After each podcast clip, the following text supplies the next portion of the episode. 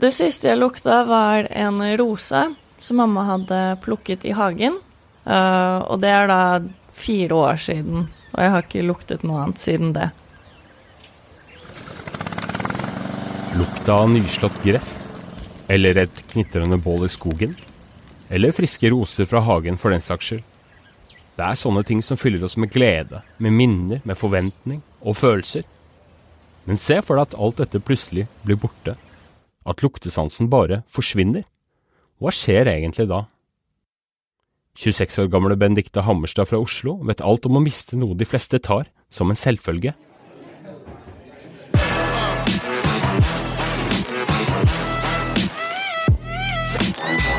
Vi drar tilbake til høsten 2013. Benedicte er 22 år gammel og studerer på denne tida i København. Hun vil bli sivilingeniør. Benedicte kjøper seg en svart sykkel. For studenter i København, de sykler.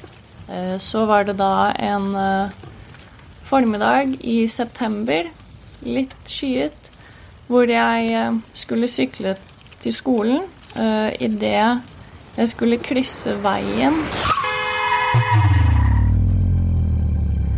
Så ble jeg truffet av en bil. Og dette skyldes delvis at jeg ikke så meg godt nok til venstre før jeg krysset veien. Delvis at sjåføren ikke så seg godt nok om. Benedicte får flere hjerneblødninger etter ulykken. Hun legges i koma og svever en stund mellom liv og død. Legene også, tok også ut eh, et liten del av hodeskallen fordi hjernen svulmet opp. Eh, så for at den skulle få plass til å svulme uten at jeg skulle få slag, så tok de da ut deler av hodeskallen eh, og satte den tilbake igjen etter to uker. Kort tid etterpå våkner Benedicte opp fra koma igjen. Hun er redusert, hjernekapasiteten er svekka, men hun er i live og snart oppegående. Men studiene i Danmark må avbrytes. I oktober 2013 drar hun tilbake til Norge igjen for opptrening på Sunnaas sykehus. På ferja mellom København og Oslo skjer det noe uventa. Eh, så la jeg merke til at det ikke luktet noe parfyme fra armen min, selv om jeg hadde tatt på parfyme bare noen en time tidligere, tror jeg. Eh, og så sa pappa at det luktet parfyme av armen min, så da det var først da, fire uker senere, at jeg liksom skjønte Eller at det falt meg inn at liksom Ha, noe har skjedd med luktesansen. Gradvis forsvant den helt. Etter det så har jeg jo prøvd å lukte på sterke ting, altså sånn som salmiakk eller bare alt mulig, men det er uh, ingenting som jeg kjenner lukten av nå. Det er gått over fire år siden hun mista luktesansen. Benedicte bor i Asker, men er denne dagen på besøk hos foreldrene og deres to katter på Røa i Oslo. Dette er jo en av fordelene med å ikke ha luktesans. Når man skal tømme kattekassa, så Det er jo behageligere nå enn det var før. Benedicte er slank, har langt, mørkeblondt hår. Hun ser helt vanlig ut, men hun lever altså et liv uten lukt. Små, hverdagslige ting kan bli en utfordring, som f.eks. å vite når klærne bør vaskes. Derfor har hun lagd et snedig system. På mobilen har hun lange tabeller der hele garderoben er sortert etter plagg. I kolonnene ved siden av er det ulike tegn. Kryss, streker og i-er. Og så er det jo da kryss når det er liksom blitt brukt en hel dag strek hvis det er bare blitt brukt en halv dag, en liten i hvis det bare er brukt bitte litt, og da tre i-er tilsvarer ett kryss, mens to streker tilsvarer ett kryss. Jeg er ikke helt ferdig med dagen før jeg har satt opp i tabellen hvilke klær jeg har brukt. Så det er jo litt sånn arbeid Altså, jeg er jo glad i lister og sånn, men jeg hadde jo ikke gjort dette hvis jeg hadde kunnet slippe det. Kirurgene som opererte henne, klarte aldri å forklare hvorfor hun egentlig mista luktesansen. Altså, de fortalte jo om, altså med hjerneskader, at det er nerver som kuttes, og hjernen må finne andre veier. Eh, det sa de jo, men det sa de jo altså mer Det er jo generelt hjerneskade. De sa veldig lite konkret om, om luktesansen. De kunne heller ikke si om hun får den tilbake igjen noen gang. Eh, jeg savner lukten av rent sengetøy. Jeg vet ikke, Det er ikke den samme gode følelsen når man legger seg i rent sengetøy og det ikke lukter noen ting, for da er det bare Man vet at det er rent, og det er det. Det er ikke noe koselig.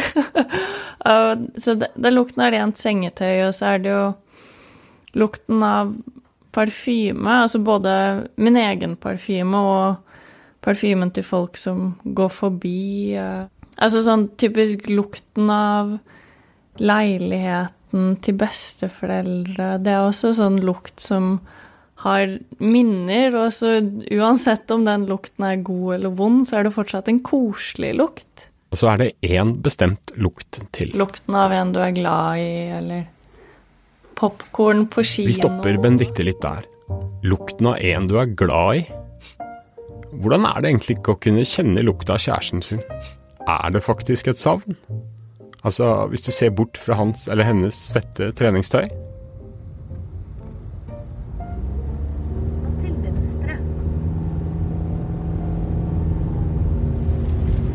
Jeg er på vei til uh, Dikemark uh, i Asker. Benedicte har flytta inn i et hus her sammen med kjæresten Henrik. Det spesielle med Benedicte og Henrik er at de ble sammen etter at Benedicte mista luktesansen.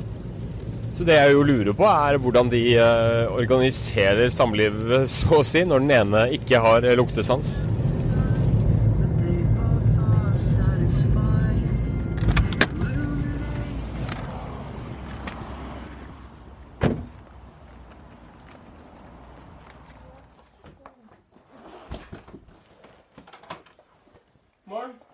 Henrik. Henrik er en høy fyr med mørke krøller og et stort smil. Og dette Dette er lyden av Henriks nese. Nå skal han fortelle oss hva kjæresten lukter.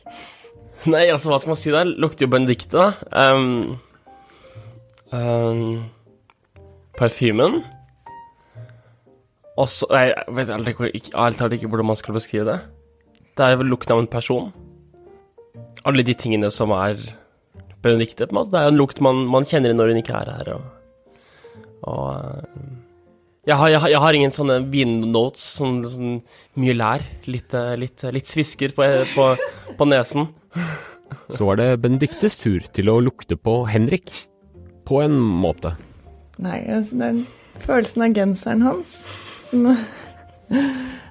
Han eh, lukter det ikke så sterkt, så da er det vanskelig å beskrive følelsen. For det er mest uh, Det må på en måte være en lukt som er veldig sterk eller fuktig eller noe sånt, da, sånn at nesen kjenner det i luften. Da, da vil du fornemme det? Ja. Så hvis Henrik f.eks. nettopp hadde vært ute og trent, så hadde jeg kanskje hey. merka det. Eller hvis jeg har badet i ammoniakk eller et eller annet sånt noe. Altså sånn det lukter som svir, da, da lukter ja. det vel. Det er det jeg merker mest sånn sprit og salmiakk og sånn.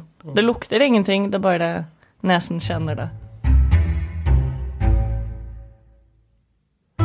Ifølge eksperter spiller luktesansen en rolle når vi møter og velger oss en partner. De såkalte feromonene, populært kalt seksualhormoner, er en del av vårt ubevisste luktapparat. Vi snuser oss frem på en måte til eh, den som matcher oss.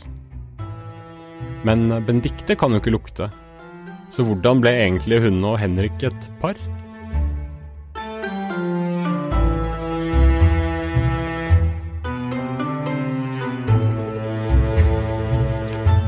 Vi møttes uh, via Tinder.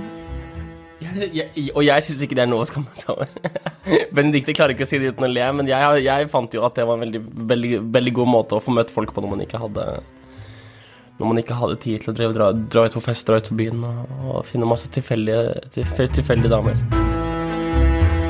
Det var mest det med samtalen. At vi hadde Det gikk veldig lett å ha lange samtaler om masse forskjellig. Det kom ikke til det punktet hvor man sitter i stillhet og desperat prøver å finne på et eller annet å si. Benedicte og Henrik har vært samboere i snart ett år. Når den ene lever et liv uten lukt, betyr det at den andre må passe på litt ekstra. At jeg er litt sånne ting som at man må være litt på vakt hvis man setter noe på ovnen. Så er det opp til meg å lukte om det brenner eller ikke. Eh, opp til meg å lukte om et rom burde luftes. Eh, opp til meg å lukte om Benedicte har ikke kløtsjet godt nok. Men det er lite sånne faktiske Verken praktiske eller livsgledelige ting som avhenger av lukten, er min erfaring, da.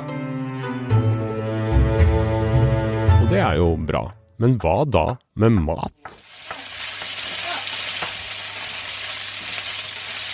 Men altså, jeg ser ikke for meg hva som ikke kan være godt etter å ha stekt det i snørr.